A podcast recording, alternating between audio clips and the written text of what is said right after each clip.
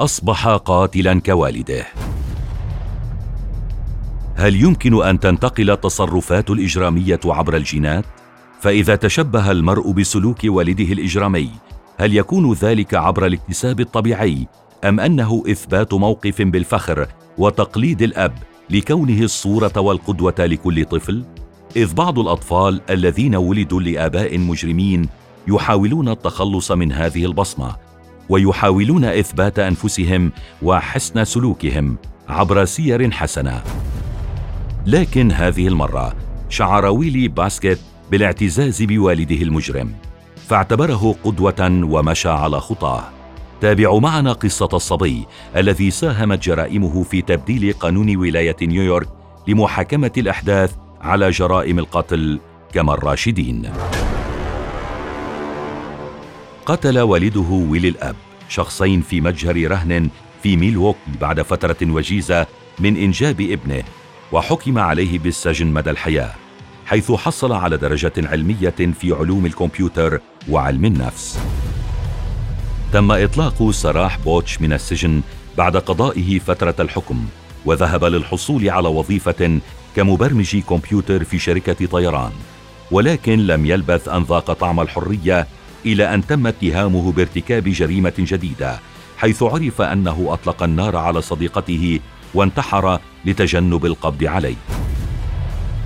قضى ويلي الصغير طفولة صعبة برفقة جده الذي كان يقوم باغتصابه ويرغمه على ممارسة الجنس معه تحت حجة تعويده على التعاطي مع الفتيات. حتى إنه عانى جدا مع والدته فاعتبر نفسه مسؤولا لتأمين الحماية لها.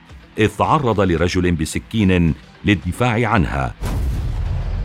وبدأ سلوكه الدفاعي والانتقامي يبرز مع كل حادث كان يتعرض له.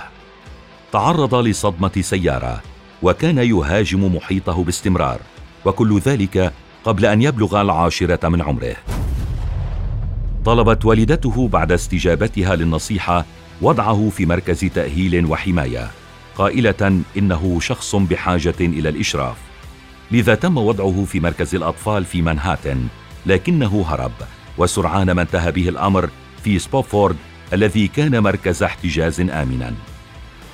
وكان بذلك الوضع طفلا يعادل شخصا بالغا يقضي وقتا في سجن ولاية آتيكا بحيث كان يدخل ويخرج من مراكز الاعتقال والإصلاحيات باستمرار. ومن الطبيعي توقع نهاية مأساوية للطفل الذي لم يتلقى الرعاية والاهتمام اللازمين لنشأته الصحيحة. طور ويلي سلوكه العنيف وكان يشعر بالامتنان ويعبر عن فخره دائما بوالده القاتل وكان يقول يوما ما سأصبح قاتلا كما والدي. لم تكن الحماية أو الرعاية في الإصلاحيات كافية لإخماد هذا الانحراف السلوكي لدى ويسكت. لذا بدأت جرائمه تتوالى واحدة تلو الأخرى. إذ في التاسع عشر من مارس عام 1978 قام بقتل رجل في مترو الأنفاق في نيويورك بمساعدة صبية مشاغبين مثله. عاد ليقتل رجلا آخر في محطة قطار أخرى بعد محاولة سطو فاشلة. ليعود بتكرار محاولات السطو في ساحة لينوكس وفي قسم الخدمة في الجوار. نهاية كل مجرم بغض النظر عن عمره السجن. إذ حوكم بوسكيت بتهمة القتل في محكمة الأسرة في مدينة نيويورك.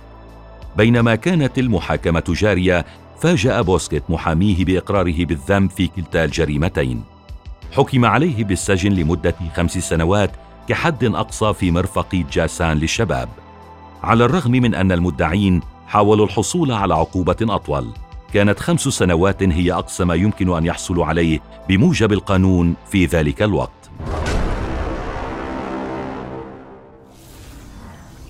أحدث قصر حكم ويلي غضبا شعبيا لذا اجتمع المجلس التشريعي للولاية لتمرير قانون للجانحين يكون بموجبه إمكانية لمحاكمة الأطفال الذين تقل أعمارهم عن 13 عاما في محكمة للبالغين على جرائم مثل القتل وتلقي نفس العقوبات التي يتعرض لها البالغون. بذلك كانت نيويورك أول ولاية تسن قانونا من هذا النوع وحذت جميع الولايات الأخرى حذوها منذ ذلك الحين. ونظرا لأن قضية ويلي بوسكيت هي التي استخدمت لدفع القوانين التي تسمح بمحاكمة الأحداث كبالغين يشار إليها أحيانا باسم قانون ويلي بوسكيت.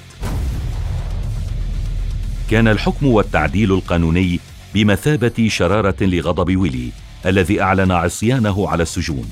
لذلك حاول الفرار عدة مرات وكان يتم القبض عليه باستمرار وكانت تزداد سنين الحكم عليه بالسجن لأنه كان يحاكم على أساس أنه راشد.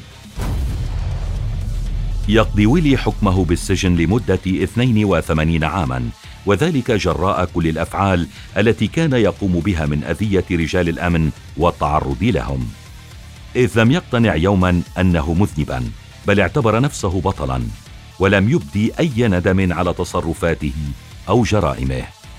هل تعتقدون أن طفولة ويلي المريرة سببا مقنعا لارتكابه كل ما قام به